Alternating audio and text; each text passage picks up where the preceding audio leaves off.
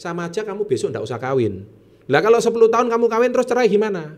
Lah sama aja toh. Semua resiko Kadang-kadang ada itu yang ada. tiga bulan cerai Pak. Ada yang tiga bulan cerai. Semua itu resiko itu ada. Makanya teliti sebelum membeli ya. Pak.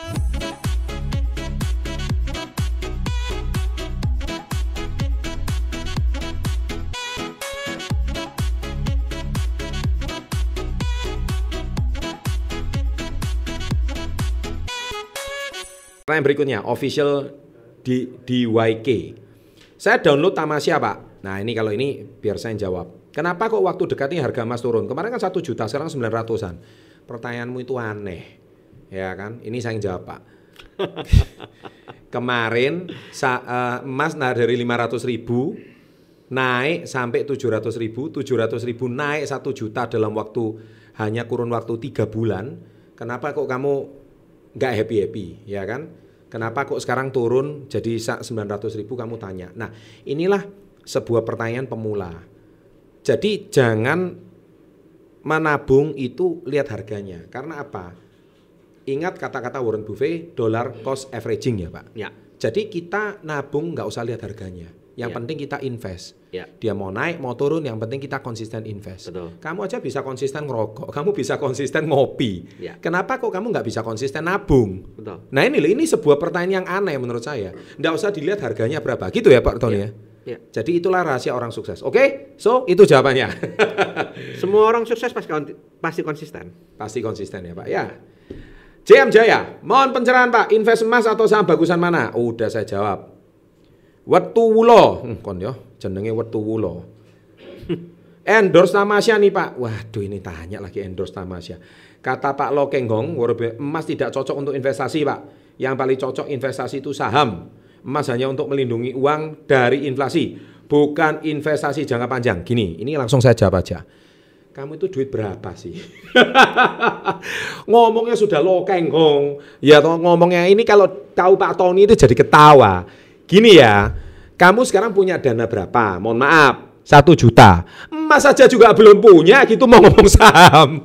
Ini loh Pak, ini saya jawab. Iya kan? Jadi nanyanya ini kayak so- sudah seolah-olah paling hebat. Cuman padahal mereka ini nonton YouTube Pak. Terus compare-compare dengan konten yang lain. Iya. Pak, ini kan kebanyakan nanya ini kan para pemula Pak Ya. Apa sih saran terbaik Pak Tony untuk para pemula yang kebanyakan browsing YouTube ini, nonton YouTube dengan kebanyakan ilmu tapi prakteknya nul, Pak? Ya itulah makanya di KEPM Iya, kita akan mengedukasi masyarakat. betul. Dalam hal ini kalau Anda mendapatkan knowledge, lakukan, Ya. aplikasikan. Maka knowledge itu akan berubah menjadi skill. Ya, Nah, skill itulah kalau Anda sudah punya skill, Anda lakukan hal itu, Anda lakukan investasi Ya. dan Anda melakukan dengan disiplin, dengan Ya. konsisten ya, dalam jangka waktu yang panjang. Maka saat Anda membutuhkan dananya, dana itu sudah tersedia untuk Anda. Dan kalau Anda eh, menabungnya juga dalam jumlah yang konsisten dalam waktu yang cukup lama, ya. Anda bisa makmur Oke, jelas bisa ya. untuk dana pensiun, bisa untuk dana pendidikan anak, bisa untuk wisata religi. Ya, Nah, semua yang Anda impikan bisa Anda peroleh dari Anda menabung Konsisten sejak menabung. dini. Iya. termasuk emas, Pak, sebetulnya. Apa pun. Apa pun. Jadi Iya. Anda jangan mengcompare, oh itu bukan investasi, gitu loh. Kalau Anda tabungan, lebih baik Anda punya tabungan emas 10 gram kan, daripada Anda nggak punya sama sekali, gitu loh. Itu sih maksud saya, Pak. Iya. Jadi kalau misalkan dikatakan, memang kalau dari jenis investasinya, Betul. Itu memang emas itu akan naik. Ya. Saat kondisi eh, dunia itu krisis, Pak. Lagi krisis. Itu biasanya harga emas naik. pasti. Makanya eh, dalam hal ini Pak Lokeng Hong mengatakan bahwa emas itu adalah instrumen hedging, hedging. ya, bukan instrumen investasi. Betul. Nah, jadi dasarnya di sana gitu. Dasarnya Karena pada saat kondisi perekonomian itu membaik, ya Iya. kecenderungannya harga emas akan turun. Iya. Itu sudah hal yang wajar. Iya. Saat harga saham naik, ya. harga emas akan turun. Saat Iya. harga emas turun, eh saat harga emas naik, harga saham kecenderungannya turun. Iya. Itu sudah bolak-balik telur. Makanya Lo Keng Hong mengatakan bahwa emas itu adalah hedging. Hedging. Kenapa? Karena kita semua berharap kondisi dunia tidak dalam kondisi krisis. Iya. Tapi kita berharap dunia ini dalam Aman-aman kondisi saja. pertumbuhan ekonominya bertumbuh terus. Iya. Kalau ekonomi bertumbuh terus, maka banyak orang kaya, banyak orang makmur. Ha-ha. Kalau banyak orang mengharapkan krisis, maka yang terjadi adalah banyak orang-orang yang Gulung tikar. gulung tikar, perusahaan gulung tikar, banyak orang yang susah, ya akhirnya kelaparan melanda di mana-mana. Tapi sekali lagi, Pak, itu. kita semua berharap dunia baik-baik aja, tapi nyatanya selalu ada krisis, Pak. Ya, Nah, 10 tahun sekali dan sebagainya. itu adalah siklus. siklus ya. Ya, jadi ada siklus yang mungkin kapan hari sudah saya pernah jelaskan ya. Betul. Ada siklus 100 tahun, Ya, ada siklus 10 tahun. pandemi Nah, ini kan juga termasuk salah satu siklus yang cukup pandemi dalam. ini siklus 100 tahun. 100 tahun sekali ya. 100 tahun sekali. Dan ini sangat dalam sebetulnya, krisis Ya. yang sangat dalam. Makanya emas sampai bisa naik sampai satu juta. Iya. Itu hampir nggak masuk akal. Tapi ya sekali lagi saya bilang, toh kalau kamu ini sekarang gini loh ya, yang tanya ini gini loh Pak. Saya ini kan tahu subscriber saya Pak. Ya, Yang tanya ini kadang-kadang mereka ini baru tamat sekolah Pak. ya. Baru tamat SMA, baru tamat mahasiswa. Ilmunya kebanyakan uangnya belum ada Pak. Kalau beda zaman kita dulu Pak. Uangnya ada, ilmunya yang nggak ada.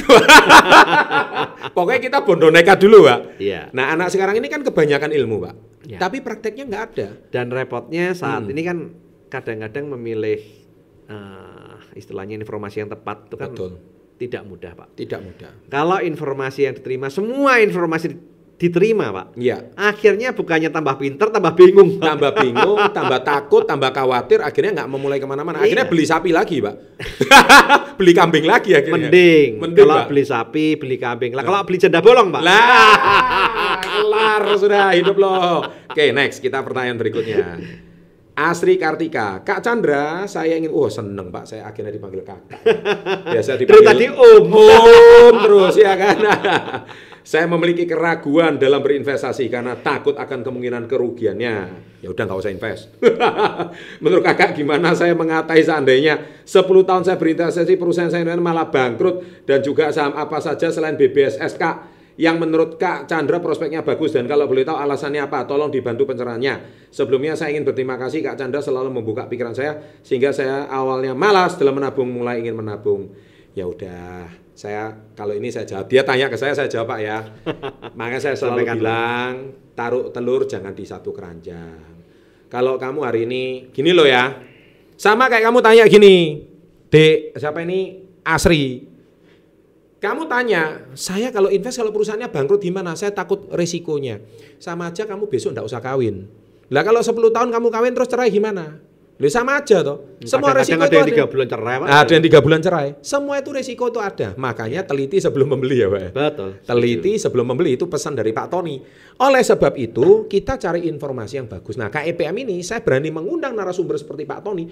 Ini pakar finansial kawakan guys. Nggak sembarangan ini bisa masuk channel Success Before 30. Ngisi webinar apalagi. Jadi statement dari beliau ini bisa dipertanggungjawabkan. Oleh sebab itu anda kalau Anda tanya sama saya, sering saya ditanya orang Pak, Pak Chandra invest saham apa? Ya udah saya udah ngomong di KIPM, jelas itu. Iya. Ya, paham ya? Oke, sehingga kalau Anda takut resikonya, kamu takut resiko, saya lebih takut dari kamu resikonya, ngerti nggak? Oke, jelas ya. Nah, Jangan khawatir dengan resiko. Saya kehilangan Nah. satu mercy kok sudah. Nah, tenang aja lah ya. Tapi kalau nggak kehilangan satu mercy, saya nggak akan dapat yang lain-lain, Pak. Nah, itu ya, itu uang sekolah ya Pak ya. Itu uang sekolah. Dadang Triasa Putra, kenapa sebagai contoh BCA dan melayani hanya melalui BCA mulu ya Pak? Kali-kali yang lain dong perusahaan apa kek atau mungkin bisa melalui bank lain terhadap transaksinya. Nggak cuma BCA doang. Iya saya tahu strategi kalian bagus. Apa ya kalian tidak ada saham selain BCA? Soalnya mungkin ada beberapa yang nggak habis pikir kayak saya. Mikirnya kayak gimana gitu, buat yang sepemikiran aja dan tidak menggunakan layan BCA, apalagi yang belum mulai nabung saham. Mungkin contoh bisa BRI, Mandiri, dan yang kelak tidak memakai BCA tidak terlalu baik. Cuma saran. Nah ini ngasih saran atau tanya, saya bingung. Ya yang udah. jelas satu hal yang perlu Anda ketahui bahwa saya tidak di endorse BCA. Jadi saya kemarin itu sharing karena eh, kalau BCA itu kan swasta. Mm-mm. Yang namanya swasta berarti betul-betul eh, tidak ada bantuan dari pemerintah, Pak. Kalau bangkrut ya bangkrut, Iya. kalau kinerja jelek ya bangkrut, Iya. kalau kinerja bagus ya kinclong gitu kan. Iya. Nah, kalau kita menggunakan bank-bank yang lain sebagai contoh, itu kan terutama kalau pemerintah itu kan apa namanya istilahnya ada backingnya lah Pak ya. Iya. Jadi kalau ada kesalahan mismanagement pun, kalau sampai ditutup kan nama pemerintah jadi buruk. Gitu. Iya, betul nah, sekali. jadi itu kenapa saya menjawab kenapa kontennya memakai Ah. BCA. Iya, iya. Nah, kemudian yang lain kenapa kok eh, transaksionalnya juga pakai BCA gitu kan? Transaksional pakai BCA karena ya RDN-nya RDN BCA. Kalau Iya. Anda nggak pakai BCA, Anda mau pakai BRI, mau pakai Mandiri, Betul. monggo silahkan. Tapi setiap kali Anda transfer, Anda kena biaya transfer eh, mungkin sekarang murah ya, cuman 2.900 de- eh, kalau antar rekening ya. Tapi ya apa SKN ya. Iya. Nah, saat Anda transfer mungkin setiap kali transfer 2.900, 2.900, 500 ribu, 2.900 itu berapa persen? Betul, betul, betul. Belum lagi kalau pada saat Anda narik, dana, kalau Anda narik dana dari BCA ke tempat yang lain, RTGS-nya 25 ribu, Pak. Betul, betul. Nah, 25 ribu dari 50 dari 500 ribu itu sama dengan 5 persen, Pak. Iya, iya. nah, iya. itu kan,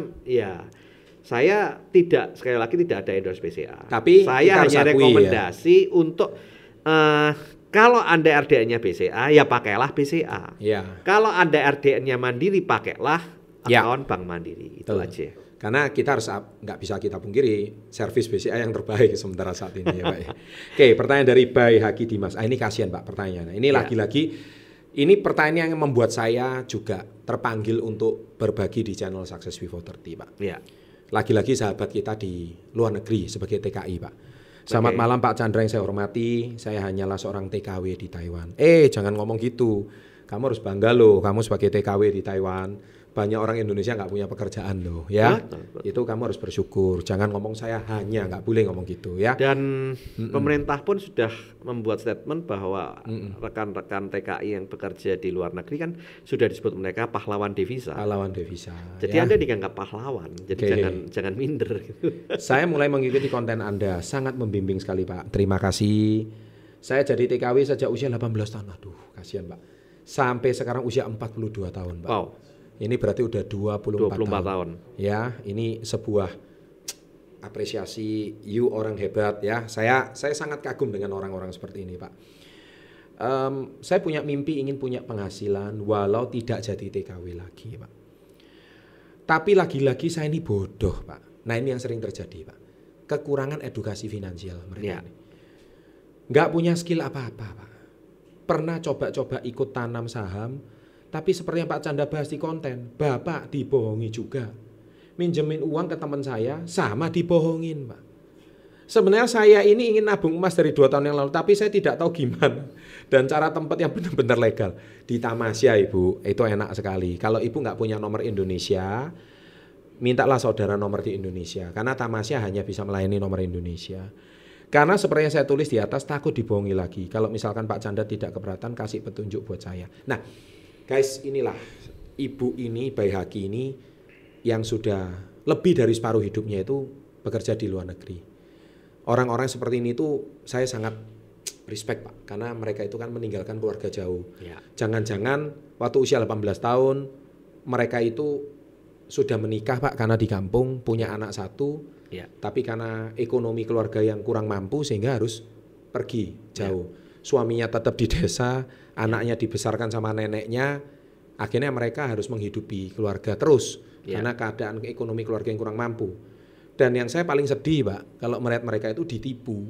Ya. Karena polosnya mereka dan lugunya mereka di luar Ya. negeri, entah itu janji-janji investasi yang keren, Betul. termasuk janda bolong itu tadi. Aduh, ya guys, akhirnya saya merasa terpanggil, Pak. Ya. Kami dan Pak Tony terpanggil untuk berbagi edukasi yang positif di webinar, supaya anda semua ini tidak lagi tertipu. Bu, saran saya cuma satu, tonton webinar di KPM. Ya. Itu semua sudah sangat cerdas. Uang yang ibu kerja selama ini di Hong Kong 42 tahun, ibu kan nggak mau selamanya di Hong Kong atau di Taiwan lah ini di sini. Ya, saya sarankan taruhlah tempat di investasi yang yang tepat. Di situ tuh sudah sangat jelas sekali. Betul. Kurang begitu ya Pak Tony ya. Ya, Ikuti aja edukasi di KEPM Ya. Dan ya Anda bisa lakukan. Baik, pertanyaan udah selesai, Pak. Oke, Pak. Terima kasih. Sama-sama, Pak. Kita tutup dengan salam hebat luar, Luar biasa. biasa. Selesai.